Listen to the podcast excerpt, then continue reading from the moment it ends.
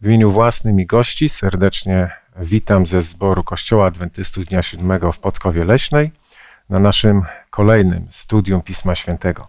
Temat, który dzisiaj chcemy omówić, dotyczy natury człowieka. Zapraszam.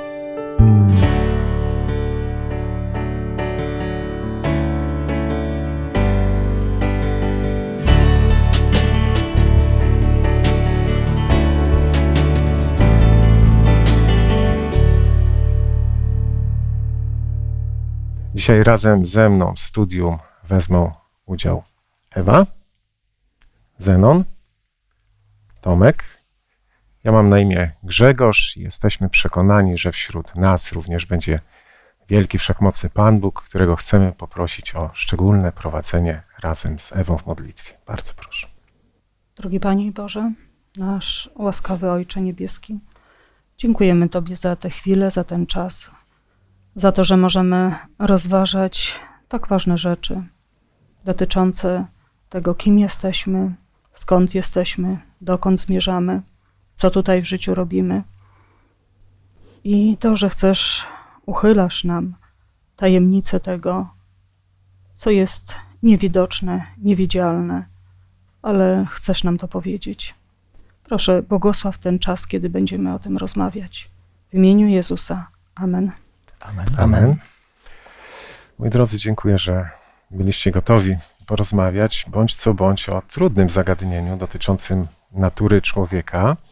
Przyjrzymy się pewnym fragmentom e, zawartym w Piśmie Świętym, właśnie dotyczącym natury człowieka, jak człowiek powstawał, co się dzieje w momencie, gdy umiera, ale pozwólcie na tytułem wstępu nawiążę do pewnej historii, która miała miejsce wiele wieków temu Otóż e, Diogenes przechadzał się kiedyś w biały dzień z lampą, no i szukał czegoś bardzo intensywnie. Osoby zainteresowane tym zjawiskiem zapytały, co on tak naprawdę robi. I on odpowiedział: Szukam człowieka.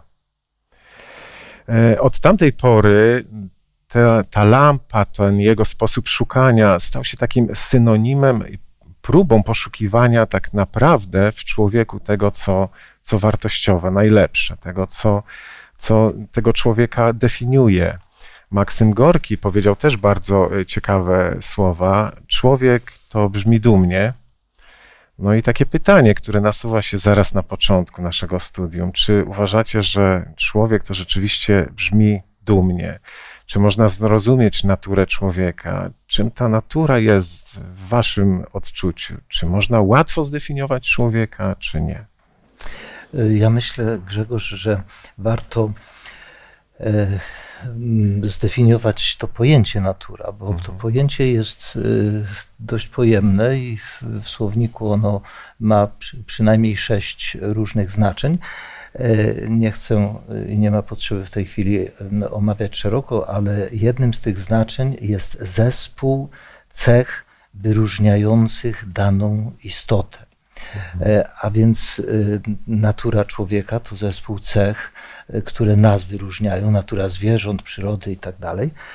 Natomiast dlaczego o tym mówimy? Ja myślę, że dlatego, że od zrozumienia swojej własnej natury zależy też świadomość swojej wartości, jak również świadomość swojej tożsamości my zauważamy, że e, dzisiaj e, człowiek troszkę jest zagubiony w poczuciu własnej wartości. Mnóstwo ludzi e, ma zaniżoną, niektórzy zawyżoną samoocenę, a kwestia tożsamości też jest zakłócona, no chociażby na podstawie tego podstawowego pytania, skąd pochodzimy. Mhm. Mhm, Może ja nawiążę do y, takiego mhm. przewodniego tematu studium w tym kwartale o śmierci, umieraniu i przyszłej nadziei. To jest nasz nadrzędny temat i jakby tutaj po kolei y, rozważamy te kwestie. Pierwsza kwestia, o której rozmawialiśmy, to bunt w doskonałym wszechświecie. Następna śmierć w grzesznym świecie, a teraz rozmawiamy o tym, jak zrozumieć siebie w tym wszystkim, co zaistniało, tak? jako takiej istoty, która jest na tej ziemi. I myślę, że to jest y, bardzo ważne, ponieważ nie tak dawno czytałam wywiad z psychoonkologiem, który pracuje w hospicjum.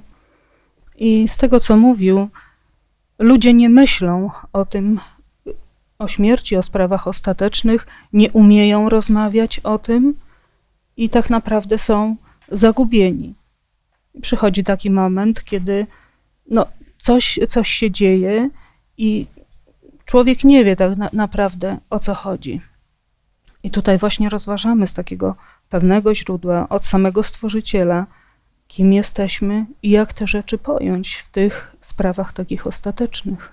Mhm, dziękuję za te myśli, dlatego że bardzo ciekawie to ukierunkowaliście. Nie pod kątem ogólnie człowieka. My możemy rozmawiać o Iksińskim, prawda, który mieszka daleko stąd, ale jeśli kierunkujemy to na siebie, to te definiowanie e, tożsamości troszkę inaczej wygląda. To spojrzenie na naturę człowieka, gdy nawet w ogólnym ujęciu, tak jak Zenku e, powiedziałeś, e, są to pewne, pewne cechy, to nie każdy może identycznie to odbierać, prawda? Z uwagi chociażby na bagaż doświadczeń, z uwagi na sposób wychowania, okoliczności, w jakich, jakich żyje, to, z czym się mierzy.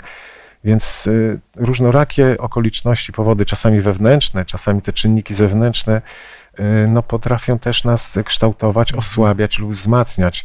Ale tutaj jeszcze takie pytanie, które w związku z tą naturą się e, rodzi i chciałbym tutaj bardzo mocno to podkreślić. To nie chodzi o kultywowanie człowieka jako takiego, oddawanie mu czci, ale takie pytanie, które chciałbym postawić, czy wierzycie w człowieka, bo czasami pada takie stwierdzenie, ja straciłem wiarę w człowieka, ktoś mówi, ja mhm. wierzę znowu w człowieka, bo coś się stało. Mhm. W jakimś sensie można powiedzieć, że Pan Bóg uwierzył w człowieka. Dlaczego? No.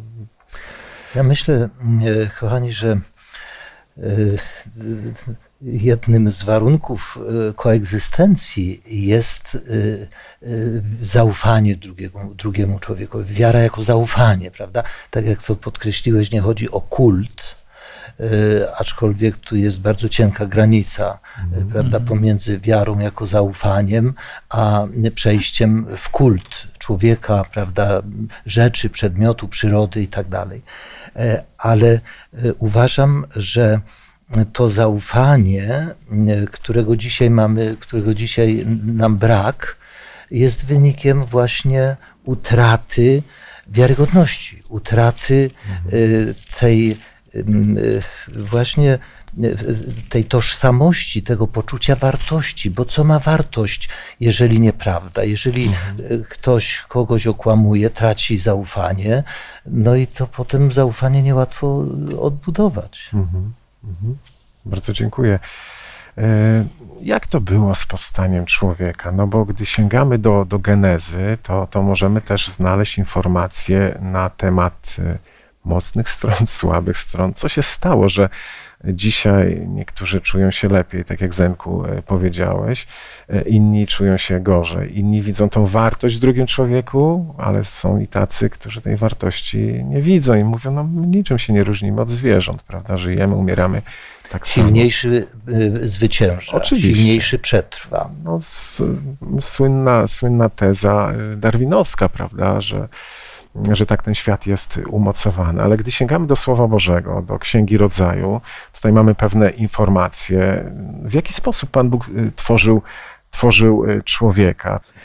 Człowiek został ukształtowany przez Pana Boga w szczególny mhm. sposób, mhm. a mianowicie mówimy to tak popularnie, ulepiony z gliny, tak? Pan Bóg własnymi rękami go kształtował, podczas gdy spoglądamy na opis stworzenia zwierząt, mhm. one były powoływane poprzez Słowo Boże. A więc widzimy tutaj, y, jak Pan Bóg wchodzi w, taki, w taką zażyłą relację z człowiekiem, kształtując go y, w końcu, tak jak jest napisane w siódmym wierszu drugiego rozdziału Księgi Rodzaju, gdy człowiek został ukształtowany, Pan Bóg tchnął w jego nozdrza dech życia. To jest y, taki obraz, który pokazuje taką szczególną relację między człowiekiem a Bogiem, mhm. między Bogiem a człowiekiem. Gdy Bóg zbliża swoje usta do naszych nozdrzy, tak jakby nas całował, prawda? Mhm. Więc jest to takie wyróżnienie mhm. spośród wszystkich stworzeń. inny sposób stworzenia, Mhm. prawda, niż, niż zwierząt. W pierwszym z kolei rozdziale czytamy, że Pan Bóg rzekł: Niech wyda ziemia istotę Mhm. Żywą według rodzaju i jej, bydło, płazy i dzikie zwierzęta według rodzajów ich, i tak się e, stało. A tutaj widzimy, że osobiście kształtuje i jeszcze co jest ciekawe, na obraz nasz, na obraz Boga stworzył go. Czyli widzimy tutaj nawet takie zróżnicowanie. Później Pan Bóg przyprowadza do człowieka, żeby nazwał zwierzęta. Tutaj już jest nawet ta nadrzędna rola. Inaczej to się odbywa. Mhm. Dziękuję. Ja tak łatwo nie odpuszczę, bo pozwolę sobie tutaj przytoczyć fragment z e, Kaznodziei Salomona. To jest trzeci rozdział.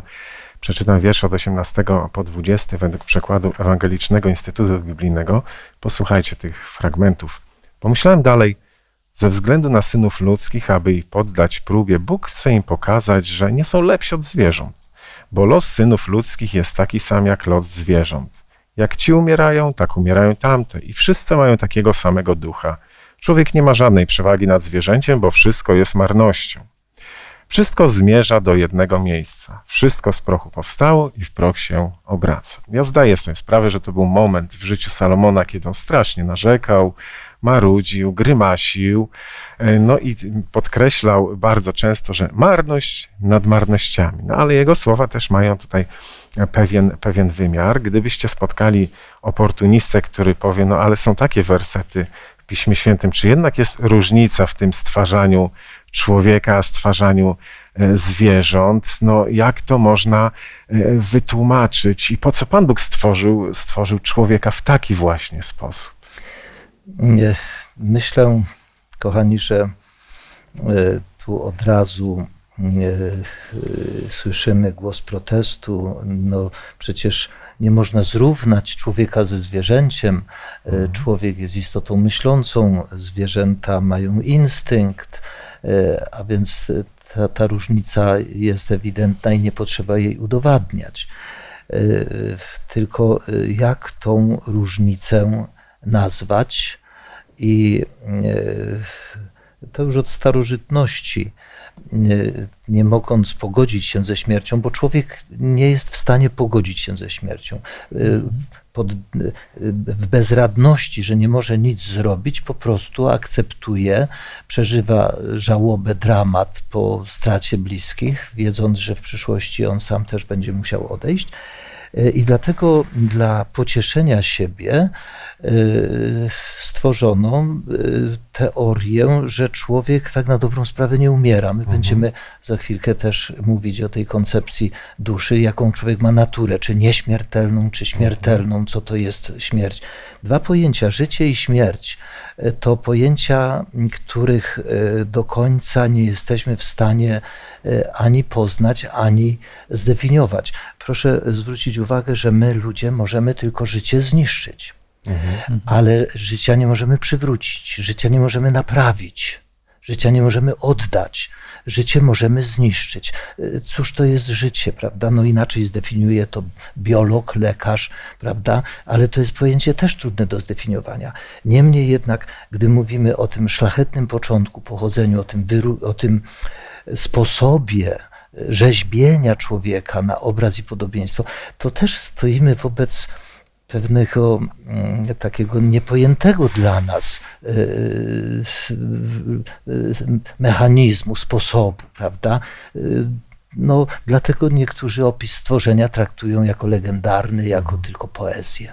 Jeżeli Proszę. się mogę do Twojego Proszę, pytania konkretnie odnieść. Tutaj y, mówiliśmy w Księdze Rodzaje, na początku mówimy o stworzeniu konkretnie. Te słowa czy, czytałeś mówią o końcu życia. Jeszcze raz je przytoczę, bo, syn, bo los synów ludzkich jest taki, jak los zwierząt. Tak? Jednaki jest los obojga. Jak one umierają, tak umierają tamci. I o tym tutaj jest mowa. To jest zrównanie końca, tak? tego, co się ostatecznie dzieje. I jedna, i zwierzęta umierają, i ludzie umierają. Tutaj jakby nie ma e, kwestii odniesienia, że są tym samym. Tak? Tutaj czytaliśmy o tym, jak człowiek jest stworzony, ale wydaje mi się, tutaj stoimy przed tym dylematem, to co na początku zaistniało. Pan Bóg powiedział: Na pewno umrzesz, jak zgrzeszysz, a szatan powiedział: Na pewno nie umrzecie. I to, co w naszym rozważaniu um, mieliśmy powiedziane, że niektórzy ludzie próbują połączyć te dwie koncepcje. Jednak Pismo Święte mówi co innego. Mhm. Tak, dziękuję bardzo. Dziękuję, że na to zwróciliście uwagę i docieramy już do tego samego procesu umierania, odchodzenia, gaśnięcia, jak niektórzy e, mówią. Wiele ludzi odchodzi za wcześnie, e, niektórzy na własne życzenie, jak to mm, Zenek tutaj też wyartykułowałeś, tak, bo degradujemy, po prostu nasze życie degradujemy, niszczymy przekreślamy pewne, pewne możliwości, nie korzystamy z tego darowanego czasu i skracamy pewne, e, pewien ten czas, który został nam dany. Ale zanim e, zadam pewne pytanie dotyczące procesu umierania, chciałbym, żebyśmy e, przeczytali dwa krótkie teksty Pisma Świętego, ponieważ no, musimy się odwołać do Słowa mhm. Bożego, no bo to Biblia jest zdecydowanie autorytatywna, jeśli chodzi o odpowiedzi na te pytania, bezwzględnie my je komentujemy, prawda? E, myślę o liście do Rzymian, trzecim rozdziale i wierszu dwunastym i również w tym samym, e, w tej samej księdze, szósty rozdział, wiersz 23. Wszyscy zboczyli, razem stali się nieużytecznymi. Nie masz, kto by czynił dobrze, nie masz ani jednego. A więc Pismo Święte tutaj mówi o tym, że jako ludzie staliśmy się nieposłuszni w wyniku upadku Adama i Ewy. Jest to nasza cecha zbiorowa. To jest taka, można powiedzieć, nasza naturalna predyspozycja, którą mamy w wyniku tego, że Adam i Ewa zbuntowali się przeciwko Bogu, posłuchali węża. Mhm, bardzo dziękuję. E, dokładając do tego jeszcze ten e, fragment z szóstego rozdziału, wiersz 23, mamy taką, taką pełnię, prawda? Bo tutaj, tutaj mowa, że wszyscy ludzie postępują mhm. podobnie. No i ten szósty rozdział, wiersz 23 E, będzie podstawą do tego, żebym e, no, postawił kolejne, w zasadzie nasuwające się już pytanie, ale przeczytajmy może ten fragment. Z Biblii Warszawskiej czytam: Albowiem zapłatą za grzech jest śmierć, lecz darem łaski Bożej jest żywot wieczny w Chrystusie Jezusie Panu naszym. Mhm. Bardzo dziękuję. Gdy łączymy te dwa fragmenty, oczywiście tych fragmentów jest dużo więcej, ale jak w rozumieniu Pana Boga przebiega proces e, umierania? Czy my umieramy częściowo, czy całościowo? O czym myślę? Już wiecie doskonale, że zmierzam do tego poglądu, który funkcjonuje, prawda? Że ciało umiera, ale dusza żyje. Jak to, jak to wygląda? Bardzo proszę. Znaczy, może ja tak po kolei, bo mówiliśmy o ukształtowaniu człowieka, mhm. więc e, co się zadziało? Pan Bóg ukształtował z prochu ziemi i później tchnął życie, dał dar życia i dopiero człowiek stał się istotą żywą, albo inaczej duszą żyjącą. Mhm. Tak? Różne przekłady to oddają, czyli dusza to jest istota człowieka. Człowiek w całości. Ciało i życie, które Pan Bóg dał. I to jest dusza. I tutaj, kiedy mówimy o umieraniu, mówi o tym, że jest to proces odwrotny. Mhm. Życie wraca do Pana Boga. Czyli już nie ma tej duszy, człowieka jako całości tak? bo to jest dusza żyjąca, istota żyjąca inaczej. I proch wraca do prochu. I tutaj to, co mówiliśmy, jest taki sam los zwierząt i ludzi w tym momencie. Ale też mieliśmy takie fragmenty z Ezechiela, kiedy e, Pan Bóg mówi o tym, że to dusza umrze, tak? czyli konkretnie człowiek umrze, że e, e, syn nie poniesie kary za ojca, tylko ojciec sam za siebie, syn sam za siebie, dusza umrze sama za siebie. Tak to mhm. było powiedziane. Czyli mamy proces stwarzania, kiedy człowiek jest istotą żyjącą, tą duszą żyjącą, a później mamy odwrotny proces, kiedy to życie wraca do Pana Boga. Nie ma czegoś takiego jak dusza nieśmiertelna. Dusza nieśmiertelna, pojęcie, które zaadoptowało chrześcijaństwo, jest od Platona. Platon mhm. żył przełom V-IV wiek przed naszą erą. I wtedy zrodziło się, był filozofem zresztą, wiele, wiele takich ciekawych idei stworzył, ale y, od niego pochodzi kwestia właśnie nieśmiertelnej duszy. Ciało było tym więzieniem dla duszy, czymś, y, co nie jest takie godne jak ta dusza. Dusza, która jest nieśmiertelna. I mamy pogląd pogański, który został zaadoptowany do chrześcijaństwa, i właśnie próba połączenia. Pan Bóg powiedział: Na pewno umrzecie, gdy zgrzeszycie. Diabeł powiedzie, powiedział: Na pewno nie umrzecie. I mamy tutaj doskonale to połączenie. Zresztą zobaczmy na średniowiecze całe. Tak? To było, ciało było czymś złym, umartwiać je należało. Tak naprawdę to ta dusza, dusza dopiero jest czymś szlachetnym. Tak? To ona tak mhm. naprawdę żyje. Jest jakaś dusza nieśmiertelna, ale kiedy czytamy tak rzetelnie tekst Słowa Bożego, to nie mamy takiego pojęcia. I nawet tutaj, tutaj te fragmenty, które, które czytaliśmy, po prostu, jeżeli człowiek grzeszy, jest w tym stanie, y, jakim tutaj jesteśmy, po prostu umiera. Chciałbym w uzupełnieniu przeczytać fragment z Księgi Kocheleta, 12 rozdział, wiersz 7. Oczywiście sięgamy do mądrości Salomonowych. Wróci prok do ziemi tak, jak nim był, duch zaś wróci do Boga, który go dał. Czyli rzeczywiście ten proces następuje w odwrotną stronę. Ten dech wraca z powrotem e, do Pana Boga w procesie umierania. Nie ma, nie ma tego, tej duszy, która gdzieś tam sobie fruwa, lata, szuka zadośćuczynienia, może naprawia pewne, pewne rzeczy, żeby znaleźć się w odpowiednim miejscu. Ale Zenku, proszę bardzo. Tu rozbijamy się o tożsamość, czyli o pytanie, kim ja jestem. E, ja myślę, Ewuniu, że Platon to tylko wyeksponował i pozostawił w takim mocnym spuściźnie, bo elementy nieśmiertelnej duszy sięgają daleko wcześniejszych kultur e, przedgrecką. No, ale on to podsumował, Prawda, zebrał tak. i jakby jemu to, to jest przypisane. Ale to szczegół.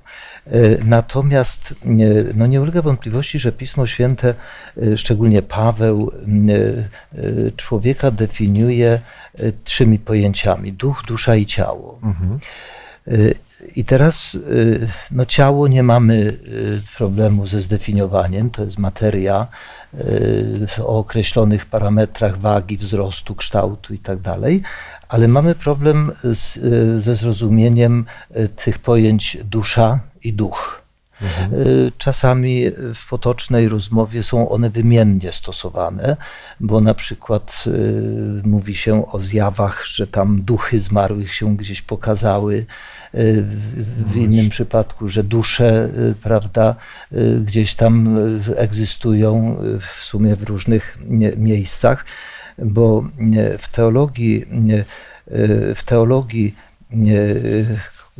powszechnego Kościoła y, istnieją cztery miejsca, na które kierowane są dusze zmarłych. Nie trzy, ale cztery. Aczkolwiek z kimkolwiek rozmawiam dzisiaj, to niektórzy robią duże oczy. Proszę sprawdzić. Dostęp do wiedzy dzisiaj jest na jedno kliknięcie. Mhm. Istnieje zapomniana dzisiaj czwarta otchłań limbo, y, na które kierowane są dusze dzieci nieoszczonych które nie mogą iść do nieba, bo nie zostały ochrzczone, nie mogą iść do piekła, bo y, nie nagrzeszyły, tak samo do czyśćca. W związku z tym stworzono jeszcze czwarte miejsce pobytu. Natomiast y, gdy chodzi o kwestię pojęcia duszy, to y, proszę zwrócić uwagę na to, że w istocie rzeczy ja jestem duszą, a nie ja mam duszę. Bo jeśli mhm. byśmy szli za logiką tego stwierdzenia, to ja, kto to jestem ja? A jeśli mam duszę, to już jest nas dwóch. Ja mam duszę. Ja mam żonę, ja mam syna, mhm. prawda? A więc jeżeli ja mam duszę, to ta dusza jest kimś odrębnym niż ja. Y, więc y, należy się naprawdę głęboko zastanowić e, nad świadomością tożsamości, kim ja jestem. Ja jestem duszą, bo duszą Pismo Święte określa istotę myślącą. I dlatego hebrajskie słowo nefesh niewiele nam mówi, ale gdy zrozumiemy jego odpowiednik, czy zastosujemy jego odpowiednik z języka greckiego, psyche, a to słowo nam już jest bliższe, dlatego że ono jest y, źródłem polskiego słowa psychika, mhm. czyli nasz intelekt, nasz sposób myślenia, koncentracji, uczuć, prawda? Wszystko to, co określa naszą tożsamość, osobowość, naszą naturę człowieka jako homo sapiens, jako istoty myślącej. W związku z tym mamy tutaj do wyboru biblijną koncepcję człowieka, natury człowieka jako duszy w całości nierozerwalnej, żyjącej, dopóki żyje, dopóty działa, dopóty wszystkie myśli jego są funkcjonują, e, jego myślenie, sposób e, reagowania, uczucia, albo koncepcję dualistyczną, e, właśnie tak wyeksponowaną na przełomie V-IV wieku przed Chrystusem, aczkolwiek wcześniej na pewno też istniały te koncepcje, tej, tej, dualist, du, tego dualizmu, jakby połączenia dwóch natur, natury ciała śmiertelnego i natury duszy nieśmiertelnej. Więc mamy do wyboru, czy wierzyć Biblii, prorokom biblijnym, Chrystusowi, apostołom, czy też, czy też zaakceptować koncepcję filozofii ludzkiej. Mhm. Bardzo dziękuję, bo tutaj też nawiązaliśmy do fragmentu apostoła Pawła z listu do Tesaloniczan, gdzie jest mowa o cały duch wasz i dusza, i ciało. E, niech będą zachowane w pokoju. I e, Paweł tutaj jakby pokazuje, definiuje człowieka, prawda? Powiedzieliśmy, że ten dech pochodzi od Boga, on wraca do Boga. Jest ta dusza, to nasza ta osobowość. I tutaj należy uczciwie powiedzieć, że w Piśmie Świętym, szczególnie w Nowym Testamencie, bo nie inaczej, e, są wątki zaczerpnięte z filozofii. Tutaj apostoł Paweł często korzystał, na ile mógł skorzystać, posługuje się takimi ilustracjami. No, mamy w liście do Rzymian fragment, w którym apostoł Paweł mówi, że ciało mnie ciągnie do grzechu, duch ciągnie do, mm, do Pana Boga. E, dokonuje takiego podziału, ale nie wychodzi poza pewne ramy, bo, bo nie może wyjść, bo pewne fragmenty mhm.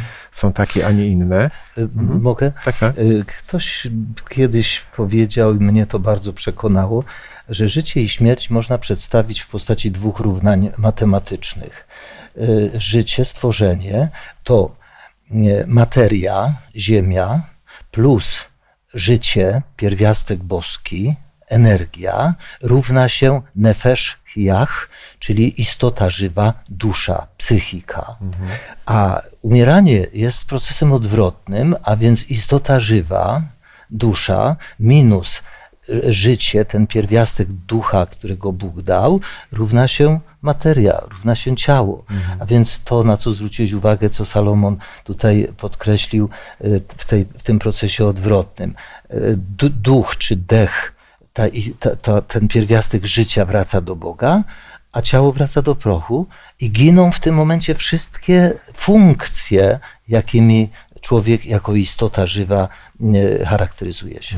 Ja może już udzielam głosu, tylko jeszcze jedno zdanie. Może tak w elementarny sposób staram się to też tłumaczyć, że gdy staniemy przy, przy gniazdku i odetniemy dopływ prądu, to żarówka przestaje świecić, ale ten prąd nie jest gdzieś tam w tym przewodzie, on jest e, na poziomie gniazdka, prawda? Jeśli znowu włączę przepływ prądu, to znowu ta energia popłynie i znowu ta żarówka zaświeci. Podobnie jest z tym tchem Boga, który wraca do Boga, a nie gdzieś tam sobie e, fruwa i, i, no, i, no i szuka swojego miejsca. Ewa, bardzo proszę. Może ja oddam tutaj mhm. głos Słowu Bożemu. To, co już czytaliśmy, Kocheleta, trzeci rozdział i dwudziesty werset. Wszystko idzie na jedno miejsce. Tutaj mówiliśmy mhm. o tym procesie odwrotnym do życia. Wszystko idzie na jedno miejsce. Wszystko powstało z prochu i wszystko znowu w proch się obraca.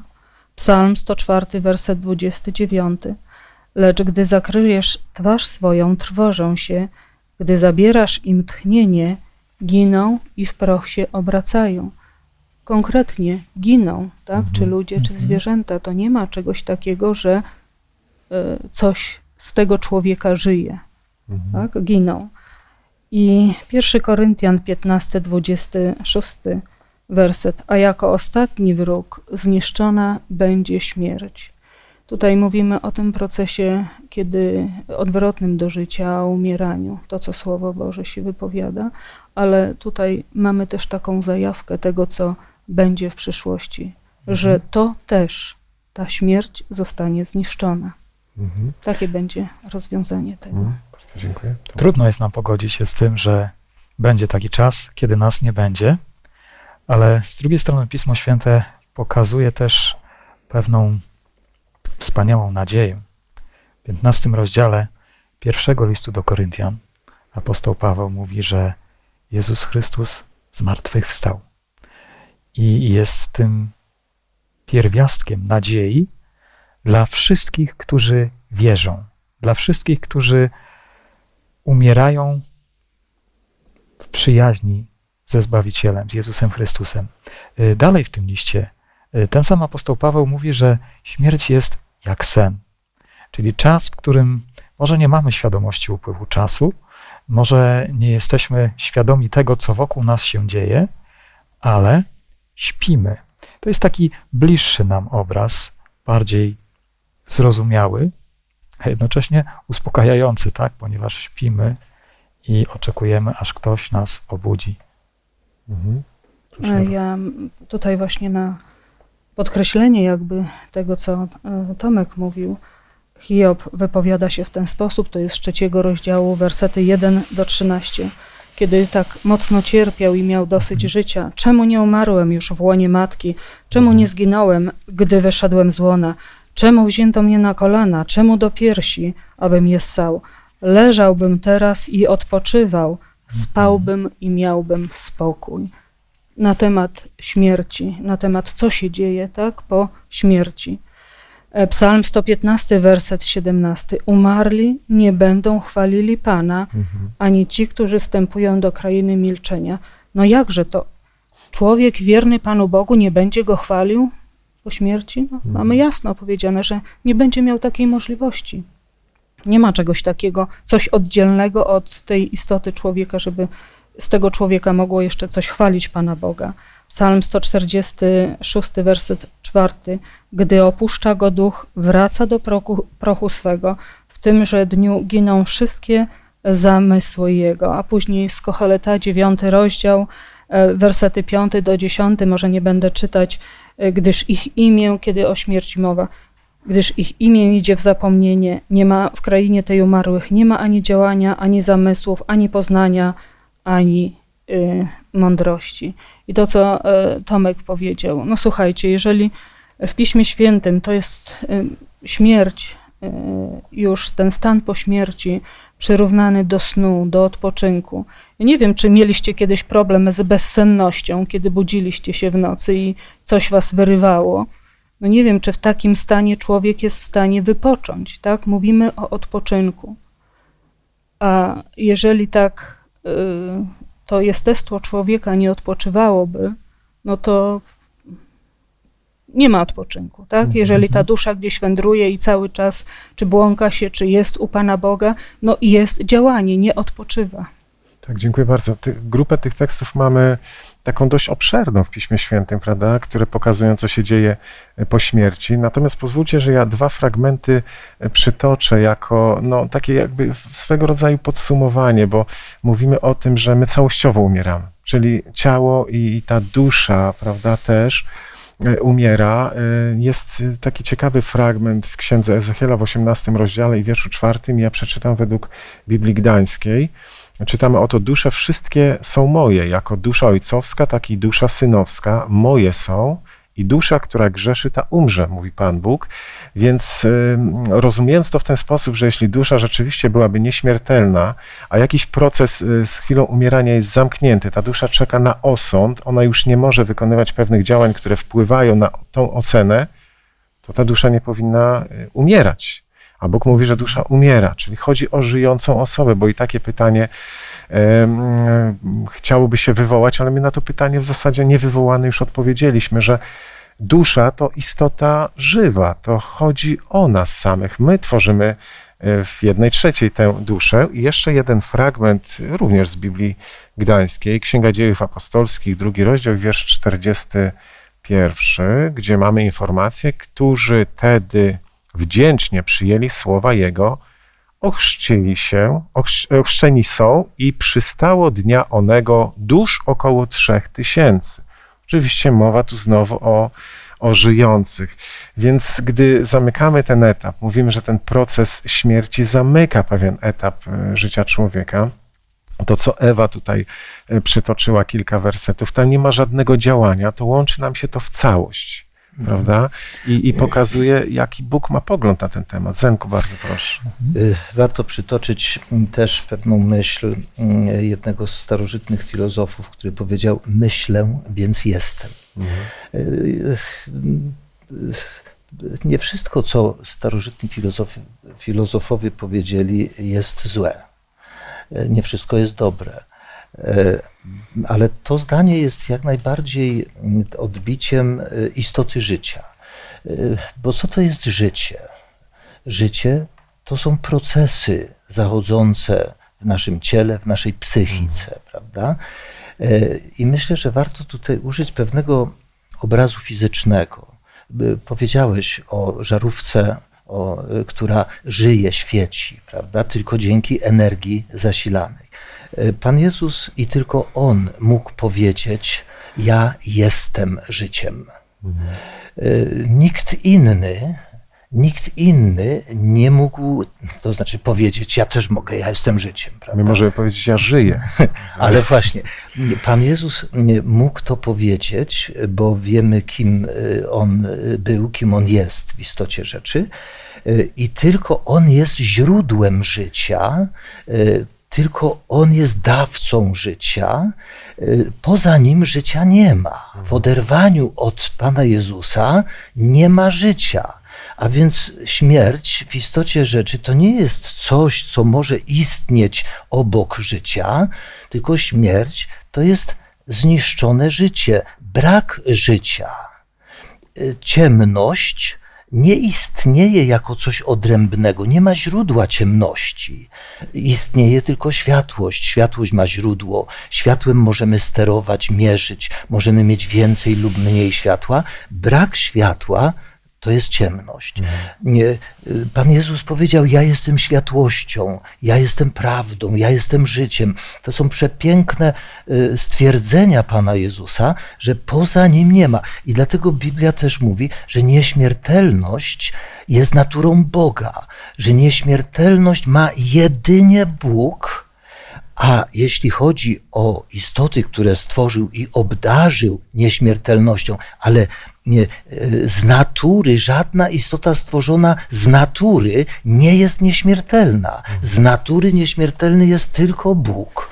I wszystkie istoty, które powołał do życia, mogą czerpać z tej nieśmiertelności, dopóki są e, z Bogiem e, w- kontakcie, dopóki są zespoleni. Oderwanie od Boga powoduje brak zasilania. No i jeżeli jakiekolwiek urządzenie dzisiaj m, pozbawimy zasilania, to staje się złomem, staje się martwe, prawda? Każde urządzenie zależne od, od energii elektrycznej. Dlatego zrozumieć powinniśmy, że śmierć w sumie to jest brak życia. I tu y, y, chciałbym też jeszcze do tych wszystkich cytatów powołać się na Psalm 39 i trzy zdania z tego psalmu zacytować. Werset y, piąty. y, Dawid, który jest autorem tego psalmu, woła: Daj mi, Panie, poznać kres mój i jaka jest miara dni moich, abym wiedział, jak jestem znikomy. Dalsze słowa zachęcam do przeczytania, one są bardzo ciekawe, ale końcówka tego psalmu jest taka: Wysłuchaj, Panie, modlitwy mojej, nastaw uszu na wołanie moje, nie milcz na łzy moje, gdyż jestem tylko przychodniem u Ciebie, jak wsz- wędrowcem, jak wszyscy moi ojcowie. Odwróć ode mnie surowe spojrzenie swoje, abym odetchnął, zanim odejdę i nie będzie mnie. A więc nie zanim przeprowadzę się na inne miejsce, ale zanim odejdę, dokąd? No to, co wcześniej było cytowane, do krainy milczenia, do, do prochu, do, do snu, który nie jest beznadziejnością, bo to, co Tomek wspomniał, właśnie Chrystus przyszedł po to, żeby dać nam nadzieję, że śmierć, która przerywa proces życia, nie jest końcem, bo jest nadzieja na zmartwychwstanie. Mhm, dziękuję. Proszę bardzo. W naszym rozważaniu e, mieliśmy powołanych kilku patriarchów, innymi Abraham, Mojżesz, Aaron, em, ale też e, zły król Ahab i jeszcze inni, którzy umierali i jest takie wyrażenie, zostali przyłączeni Mhm. do swoich ojców albo do swoich przodków. Czyli widzimy ten czas, kiedy już wyjaśniliśmy, kiedy umieramy, co się dzieje I co? Zostali przyłączeni. I to koniec. Tak? I na daną chwilę. Ale też mamy takie wspaniałe słowa w Apokalipsie, i to jest 20 rozdział. Kiedyś będzie rozwiązanie i tego problemu, kiedy Jezus powróci na tę ziemię, a śmierć i piekło zostały wrzucone do jeziora ognistego. Owo jezioro ogniste to druga śmierć. Będzie zakończenie, kiedy i ta śmierć też zostanie zniszczona, i to, to co się działo, wszystko złe na tej ziemi. Także Pan Bóg ma takie rozwiązanie. Wzbudzi kiedyś tych, którzy mu zaufali, wierzyli, a te złe rzeczy zostaną y, zniszczone, i tak naprawdę mamy piękny obraz tej natury człowieka, jaka będzie taka, jak miała być na początku. Y, Ewo, dziękuję za ten cytat i za to zwrócenie y, uwagi na ten fragment, bo ja chcę podkreślić w tym fragmencie, gdzie Jan mówi, że śmierć i piekło zostają zniszczone, wrzucone w jezioro ognia. Piekło, gdyby ono było jako miejsce e, e, pobytu w nieskończoność i to miejsce kaźni, cierpienia i tak dalej, e, wobec tego Jan coś tutaj pomieszał, pisząc, że i śmierć, i piekło zostają wrzucone w ogień. E, ogień pali, prawda? E, na pewno cały sezon, cały kwartał e, będziemy rozmawiać i, i, i kolejne mhm. tematy, które będą, będziemy studiować, będą poruszać jeszcze wiele zagadnień z tym związanych, ale ten fragment w kontekście naszego rozważania mówi bardzo wyraźnie, że, że dla cierpienia, które jest wynikiem grzechu, Pan Bóg zapowiedział koniec. Mhm. Moi drodzy, bardzo Wam dziękuję. Temat jest niewyczerpany, ja zdaję sobie z tego sprawę. Moglibyśmy jeszcze długo dyskutować. I ja wiem, że tak się wyrywamy, bo nie chcemy naszych widzów zostawić mm, z takimi przemyśleniami dotyczącymi tylko śmierci, ale już za tydzień będzie temat kontynuowany, będzie mowa o starotestamentowej nadziei, więc będzie mowa o tym, co Bóg zapowiedział, o zmartwychwstaniu. Dla Boga śmierć nie jest problemem. Gdy Pan Jezus wybierał się, aby wskrzesić Łazarza, nazwał śmierć po prostu snem. To Tomek wskazał również, że tak jest śmierć określona w Piśmie Świętym, więc to nie jest problem dla Pana Boga pokonać śmierć, bo pokonał już śmierć na krzyżu. Mamy piękne wersety w liście do Rzymian, gdzie jest powiedziane słowami apostoła Pawła, że nie ma żadnego potępienia w Chrystusie, ale ja chciałbym też nawiązać do tych myśli, które wy wypowiadaliście wcześniej i tym wersetem e, w zasadzie podsumować e, i zakończyć nasze dzisiejsze studium. Pochodzą one z 15 rozdziału Ewangelii Jana, wiersze od 7 po 9. Jeśli pozostaniecie we mnie i moje słowa pozostaną w was, proście o cokolwiek chcecie, a stanie się wam. Przez to mój ojciec zostanie uwielbiony, byście przynieśli obfity owoc i okazali, okazali się moimi uczniami. Jak mnie ukochał Ojciec, taki ja was ukochałem. Trwajcie w miłości mojej. Dalej Jezus mówi, beze mnie nic uczynić nie możecie, a w innym miejscu mówi, jestem droga, prawda i życie. Co więcej dodać? Ostatnie zdanie, dobrze? Platon powiedział, że chętnie byśmy przyjęli, gdybyśmy mieli coś innego, tak? Mhm. kiedy mówił o duszy nieśmiertelnej i takie rozwiązanie znalazł. Chętnie, ale nie mamy niczego innego. A mhm. tu widzimy, że mamy coś lepszego i coś wspanialszego. Tak, Bóg pokazał, czym jest tak naprawdę śmierć, ukazuje nam ten proces umierania, ale szeroko otwiera bramy i mówi: Ja jestem bramą dla owiec, ja jestem tym ratunkiem. I o tym procesie, jak e, skorzystać z tego daru, będzie mowa podczas e, kolejnych e, tygodni.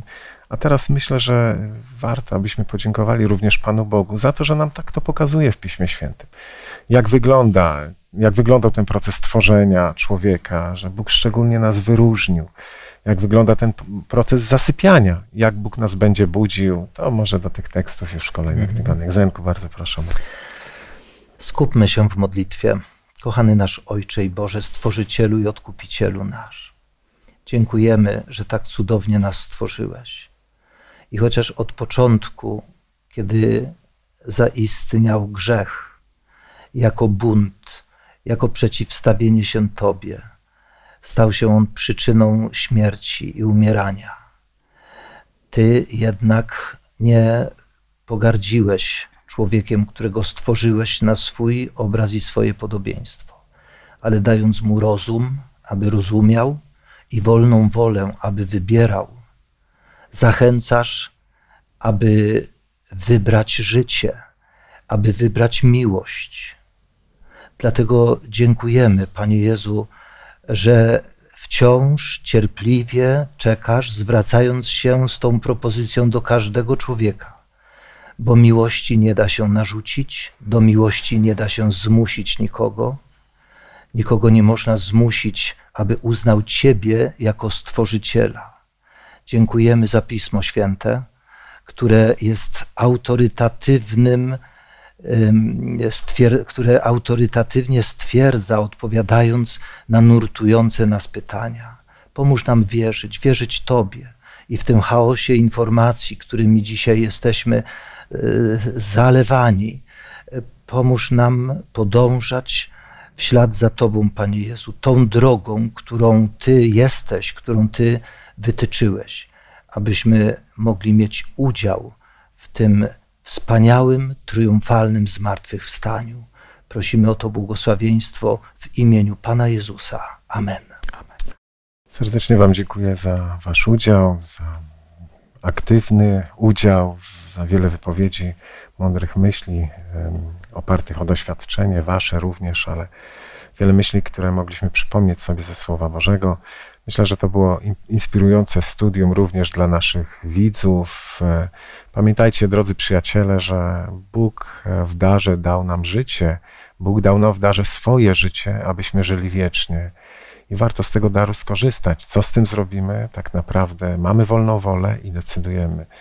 Jestem przekonany, że wielu z nas, korzystając z wartości tego daru, przedłuży to życie wieczność. Niech tak się stanie, niech Bóg Was błogosławi. A już teraz zapraszamy na kolejne studium, którego tytuł Starotestamentowa Nadzieja.